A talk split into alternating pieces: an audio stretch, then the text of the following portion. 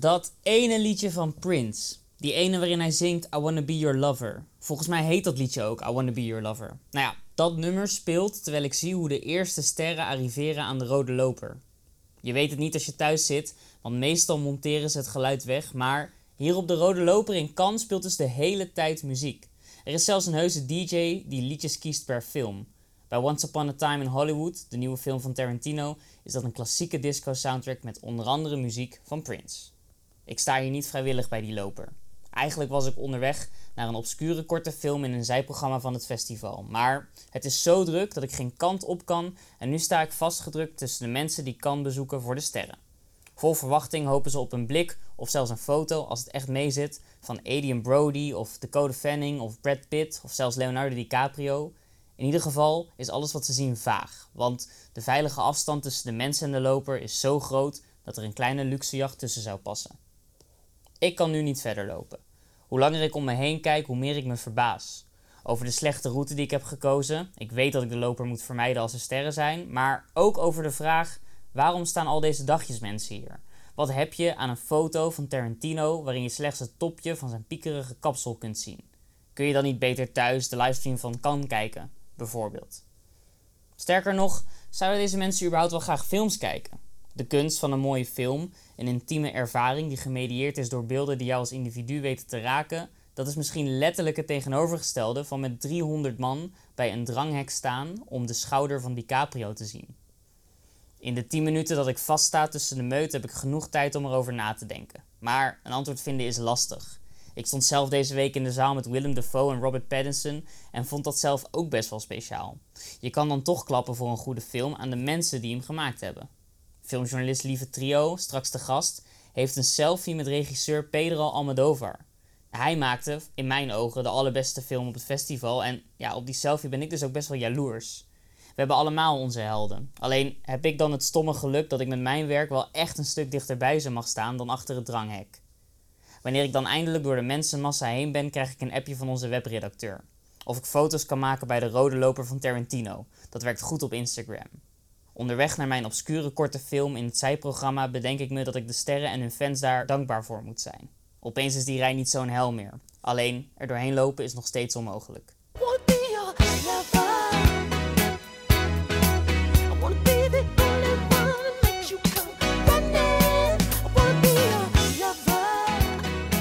Welkom bij Onze Man in Cannes, de podcast waarin ik, Cesar Majorana, je mee mag nemen over het meest bizarre, grootste en spectaculaire, vind ik toch wel zelf, filmfestival op aarde. En dat doe ik iedere aflevering met een van de mensen die hier op Cannes is, die een missie heeft waarvan ik altijd ben benieuwd ben ga je dat vinden, wat je zoekt.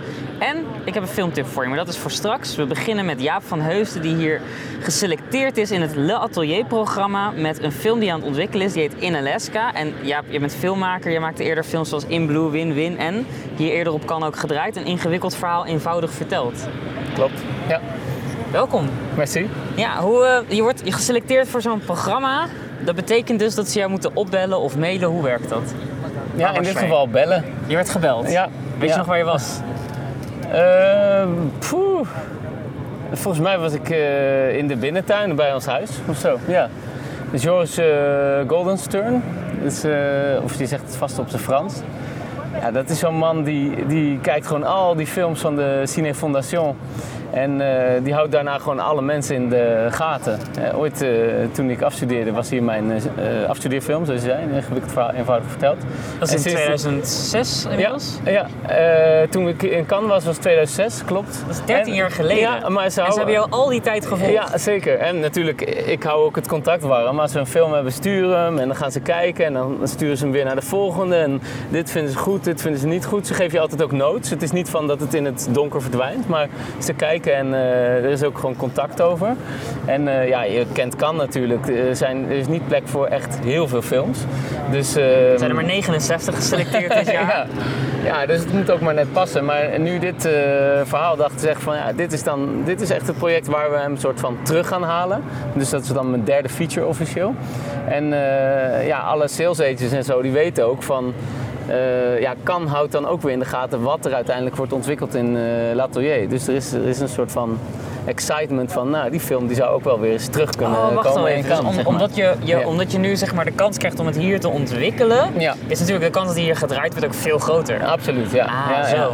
Oké, nou laten we dan eerst eh, beginnen bij In Alaska. Waar gaat het project van je over? Nou, het is een verhaal dat is eigenlijk heel apart dat een Hollander natuurlijk naar eh, Alaska gaat om een film te maken. Maar er is een jongen die vertelde mij op een bepaald moment het verhaal. En hij is een jongen uit Alaska van een eh, jonge man bij hem in de buurt. Die heeft met een groot eh, hunting rifle, dat is echt zo'n groot jachtgeweer. eh, geschoten op de pijpleiding die door heel Alaska loopt, duizend kilometer lang. Een pijpleiding? Ja, Dat- oliepijpleiding.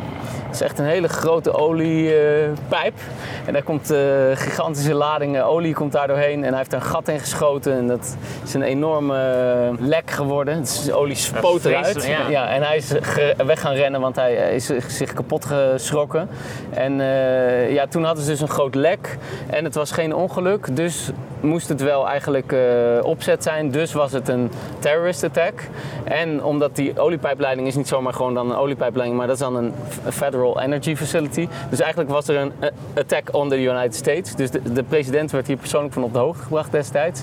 En de FBI ging erin en de troopers. En het is echt gewoon helemaal eh, ontspoord. Het allereerste wat ik je wil vragen is waarom, maar ik denk ook meteen van waarschijnlijk gaat de film daarover. Dus ik kan beter vragen, wat denk je dat, dat er in dit project zit waarvan de mensen bij L'Atelier dachten, daar moeten we iets mee?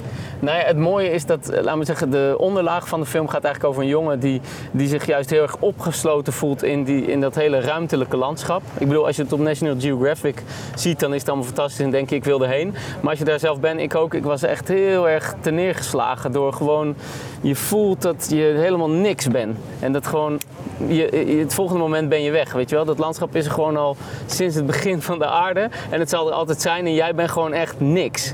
En elke, elke grizzly, laten we zeggen, is beter geschikt om daar te zijn dan jij. Ja, als mens. Ja, dus het is heel erg, hoe zeg je, die, die, die soort innerlijke reis van die jonge man, die eigenlijk in het begin er niet wil zijn, nadenkt over misschien zelfmoord, eh, heel eh naargeestig. Hij wordt gelanceerd eigenlijk door dit hele domme actie. Door die domme actie moet hij in één keer rennen en krijgt hij in één keer een soort van eh, ja, missie in het leven. Want hij, wil gewoon voor de politie uit blijven rennen en hij wil niet dood, komt hij achter. En eh, ik denk dat ze volgens mij die mix wel mooi vinden tussen een soort ja, bijna larger than life eh, zou Hollywood film kunnen zijn, toch? Een soort gebeurtenis. Maar dan eigenlijk een hele mooie coming of age film die daaronder eh, zit. Dat denk ik. Dat denk ik. Ja, Wat is is- ja. het- je kan het ook moeilijk weten, omdat je ja. moet de film nog gaan maken. Ja, precies. Ja. En eh, welk, welk percentage van nou, 100% is film af? Hoe ver Ja. ben je nu überhaupt qua het plan en de ideeën? En... Oh, er is gewoon een heel, eh, een heel goede eh, scriptversie. Dus dat, dat is dan Dus je wat je... script is af? Het script is af, ja.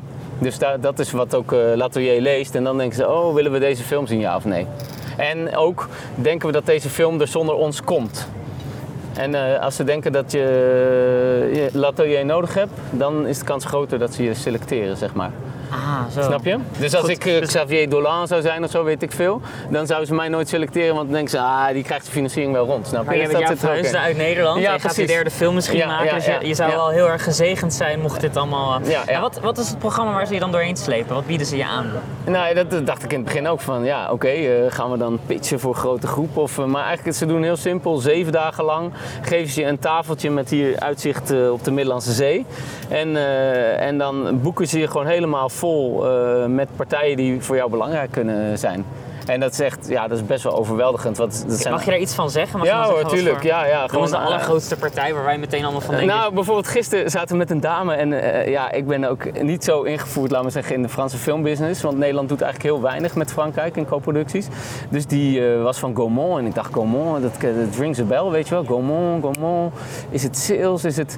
Maar Gaumont is zeg maar de studio die nog voor Pathé in 1895 zeg maar begonnen is met film te maken. Je? Ik bedoel, zij, hebben het uitgevonden. En dan zit je daar met zo'n dame die werkt voor de nazaten daarvan. En die heeft, het, die heeft het verhaal gelezen en zich erin verdiept en naar je werk gekeken. En die zit gewoon dan heel serieus te praten over van hoe het in hun eh, line-up zou kunnen passen. Ja, dat is echt vet, toch? Ik bedoel...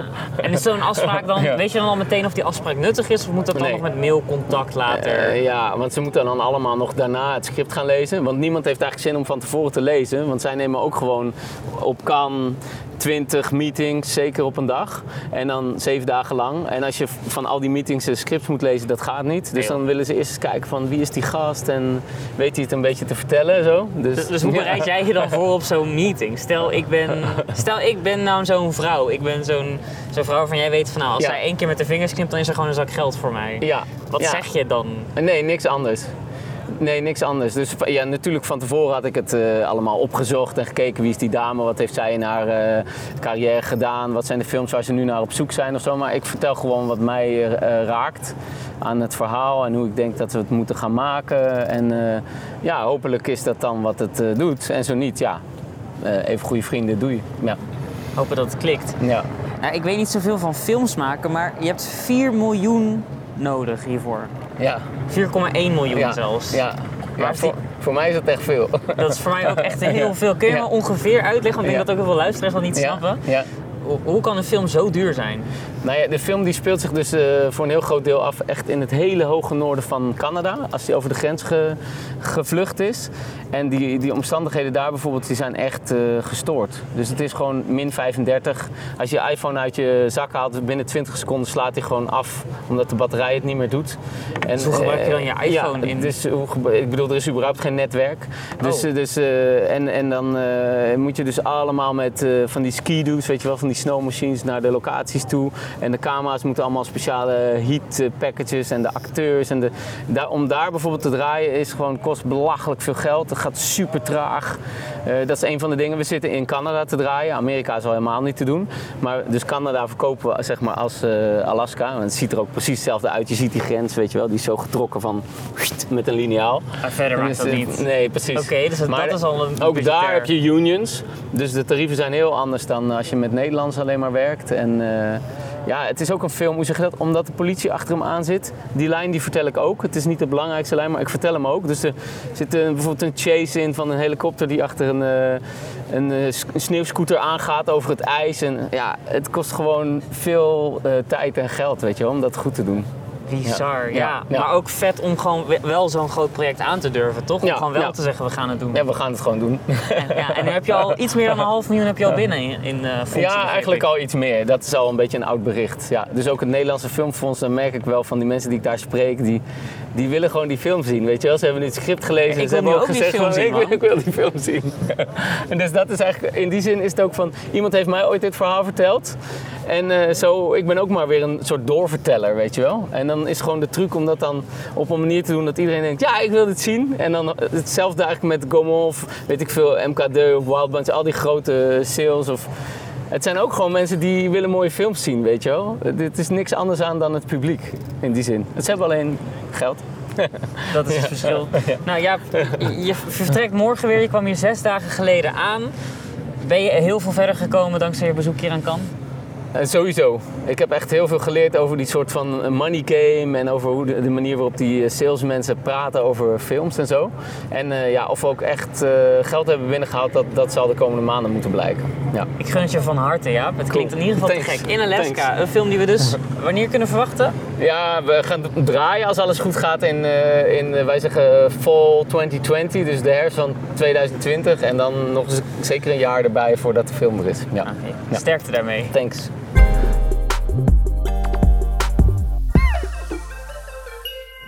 Dan voor het tweede deel van deze podcast een filmtip natuurlijk. En die komt ditmaal van ja, iemand waar ik zelf een klein beetje fan van ben. Lieve Trio, jij bent echt wel de allergrootste filmrecensent van Vlaanderen volgens mij. Als jij het zegt, uh, Cesar, dan, Ja, dan maar het- echt. nee. Nou, we kennen je recensies onder andere uit de Clara, De Morgen, Studio Brussel. En eh, ja, je bent, ja, ik vind je gewoon een grote. Dankjewel. En dat, ligt, dat zeg ik misschien niet zomaar, want ik ben ook jaloers op een Instagram-foto van jou die ik zag. Waarin je op de foto staat met Pedro Almodovar, de Ja. Regisseur. Kun je me alsjeblieft vertellen hoe je dit is gelukt? Eh, wel heel simpel eigenlijk. eh, in de zin van, ik heb gewoon een interview mogen doen met hem voor zijn nieuwe film, eh Dolor y Gloria. Dat is altijd een beetje geluk hebben. Hè. Genomineerd worden heet dat dan voor een interview. Dus dan moet je gewoon ja, de aanvraag doen en dan hopen dat het goed komt. En in dit geval is het goed gekomen. Dus En hoe lang mag je dan met zo'n persoon praten? Deze keer was het een half uur. Ehm, Dat is lang man, lieve. Maar je zit wel niet alleen. Dat is een soort van geheim dat, dat vaak niet wordt verteld aan de mensen. Als je een interview afneemt of als je een interview leest in de krant, dan is dat heel vaak een groepsinterview. Dus je zit heel vaak met verschillende journalisten samen, uit verschillende landen dus, die dan afwisselend vragen stellen en daar maak je dan een soort van coherent stuk uit. En soms is dat gemakkelijker dan anders. Ja, maar dat, ik kan me dus voorstellen dat je vaak met journalisten zit die dan niet echt de allerbeste, meest sierlijke vragen stellen waar jij iets aan hebt. Dat gebeurt, ja. Dan is het een kwestie van eh, ja, te proberen om het gesprek in een bepaalde richting te sturen. En eh, ja, hopen dat er eh, toch iets uitkomt. Maar Wat was een vraag die je aan Almodovar kon stellen waarvan je dacht van ja, die heb ik er gelukkig in gekregen?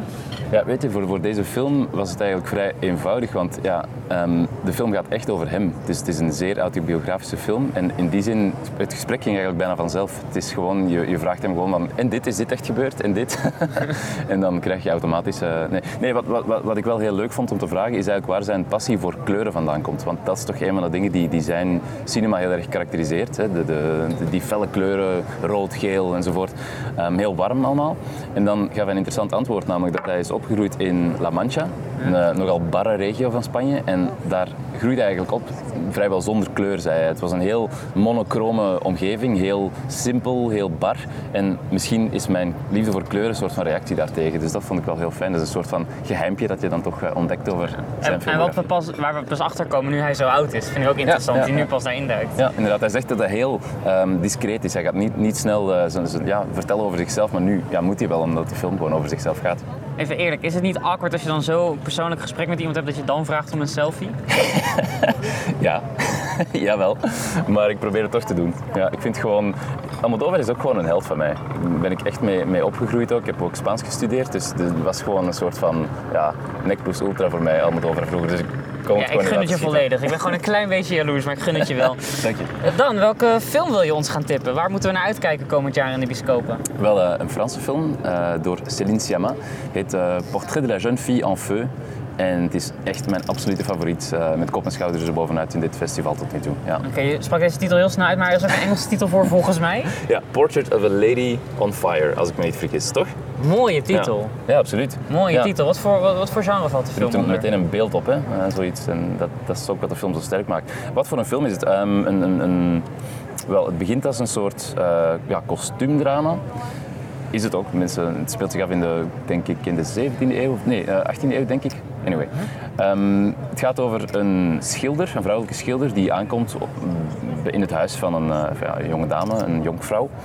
Eh, en ze moet haar gaan schilderen, gaan portretteren, maar dat moet ze stiekem doen. Want dat portret dient eigenlijk om die jonge vrouw uit te huwelijken aan een man in Milaan. Die man wil natuurlijk wel weten wat voor... eh, ja, eh, Oh, een soort, een soort selfietje. Even zo inderdaad, van, zonder iPhones. this is me. Ja, ja, ja, maar die vrouw wil helemaal niet uitgehuweld worden eigenlijk.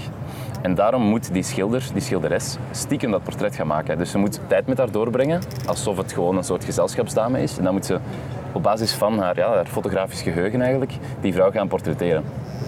Maar Wauw. prachtige, Ontzettende prachtig prachtige vertrek, toch? aanloop al, ja. Maar het wordt nog veel meer. Ehm, het is eigenlijk ook een verhaal over hoe je door, iemand, door naar iemand te kijken, hoe je, ja, wat dat doet, de- die blik naar elkaar. Ze kijken de hele dag naar elkaar, want ja, dat is haar rol, ze moet die vrouw bekijken. En er groeit een, een, een soort passie tussen hen, die uiteraard niet aanvaardbaar is in, in die tijd. Dus heel stiekem, heel geheim, heel aftastend. En ehm, ja, daar gaat het eigenlijk over, over die band tussen die twee vrouwen. Veel meer kan ik er denk ik niet over zeggen zonder Nee, ik wil het ook niet meer. Ik wil meteen deze Ja, film gaan zien. Absoluut. Ja, wat, wat, hoe- dan is het een... eh, als ik hoor kostuumdrama ben ik ook wel eens bang. Duurt lang, Ja. is, is, ontvouwt zich veel te langzaam. Is dat bij deze film ook aan de hand? Eerlijk? Helemaal niet, helemaal niet. Nee, nee ik, ik, ik ben zelf ook echt geen fan van, van eh, kostuumdrama's. Ik, ik probeer daar zelfs meestal van weg te blijven, maar ik ben al wel vaak, eh, het is al wel vaak bewezen dat, ik, dat dat onterecht is, want er zijn heel erg goede kostuumdrama's natuurlijk die je heel erg kunnen pakken en verrassen. En dit is zodanig eh, goed opgebouwd. De, de opbouw van deze film is echt spectaculair. Het is een slow burner, dus het begint redelijk cool en afstandelijk, maar je voelt toch direct dat het, dat het goed zit. En dan ja, gaandeweg komen die gevoelens erbij en, en raak je er meer en meer in. En het is gewoon ja, een soort van onvermijdelijke houtgreep die die film eh, om je maakt. Ja. Ik snap dat wel. Ja. Is het dan ook een film waarvan je meteen denkt... oh, dat zal goed scoren bij het Vlaamse publiek? Kun je dat inschatten? Het Vlaams publiek. Hmm. Die film heeft iets heel universeels, vond ik. Ik, ik zag hem en ik voelde direct, oké, dit, dit is real deal gewoon. Dit is echt... eh, ik heb toen meteen gezegd, ja, dit is de Gouden Palm van dit jaar. Oh, echt? Ja. Oh, maar je zegt je even iets heel groots. Ja, want dit is inderdaad een film wel, ja. in de competitie. En deze wint het dan van Van Almodovar bijvoorbeeld, denk ik wel. Ja. Nu, je weet het nooit. Hè. Het is een veelkoppige jury, eh, veel meningen, veel, veel persoonlijkheden. Hele klassieke jury ook eh, eh, op veel manieren. Ja, pas op. Je hebt toch ook eh, Jorgos Lantimos die daar bijvoorbeeld in zit. Ja, je hebt wel Kelly Reichardt. Dus je hebt toch een aantal persoonlijkheden die Je wel... hoopt die dat wel zij het- de overhand krijgen inderdaad. Ze gaan zeker hun zegje mogen doen. Dus, ehm, en, en, en ja, het is ook geen, geen, geen atypische film in de zin, want het is geen super arty film of zo. Het is, het is eigenlijk een heel toegankelijke film. Dus, ik, dus ja, gaat het de Vlamingen boeien?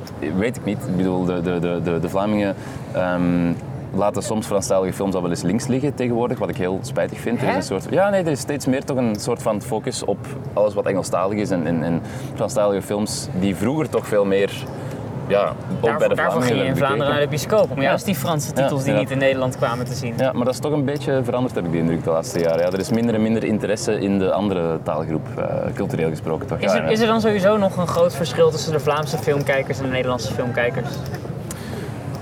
Ja, denk ik toch wel. Ehm, dat, dat hoor je toch ook aan de resultaten van de films eh, vaak. Eh, ik denk dat Arthouse gewoon nog veel nog beter werkt in Nederland.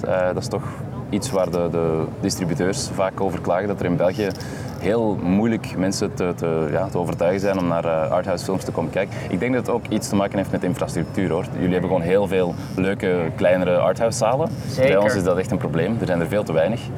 Ehm, ook in de, in de provinciesteden en zo is het aanbod echt erbarmelijk, terwijl bij jullie is dat veel mooier verspreid. Het is niet alleen in de grote steden dat je Overal een filmhuis te vinden inderdaad. Ja, inderdaad. Dus dat, dat, dat maakt ook denk ik dat, dat arthouse gewoon eh, makkelijker te, ja, te vinden valt in, Goed. in Nederland. Ja. Als er Vlaamse luisteraars van deze podcast zijn, wil ik ze bij deze sowieso uitnodigen. Kom naar onze Nederlandse filmhuizen. We gaan, Juist, ik denk dat ja. deze film ongetwijfeld gaat draaien in Nederland. ja, denk ik ook. Maar niet naar Nederlandse films gaan kijken dan. grapje, grapje. Ja, lieve, dankjewel. Nog één keer de naam van de regisseur. Céline Sciamma. En, de- eh, en nog zo mooi die Franse titel hoe je hem uitsprak. Portrait de la jeune fille en feu. Ik noteer hem, ik kijk er naar uit. Dankjewel. Graag gedaan. Je hoorde alweer de zesde aflevering van Onze Man in Cannes. En nu kan ik je doorverwijzen naar de vpro.nl slash website, omdat daar een toevallig interview met de cast en crew staat van de film die we net besproken, Portrait of a Lady on Fire. Verder zijn wij er natuurlijk morgen weer met de podcast en dan te gast Ena Sendiaravic en VPRO Cinema collega Gerard Poes. Ik heb er zin in, tot morgen! Op, ga er af, af, dingen in mijn kop,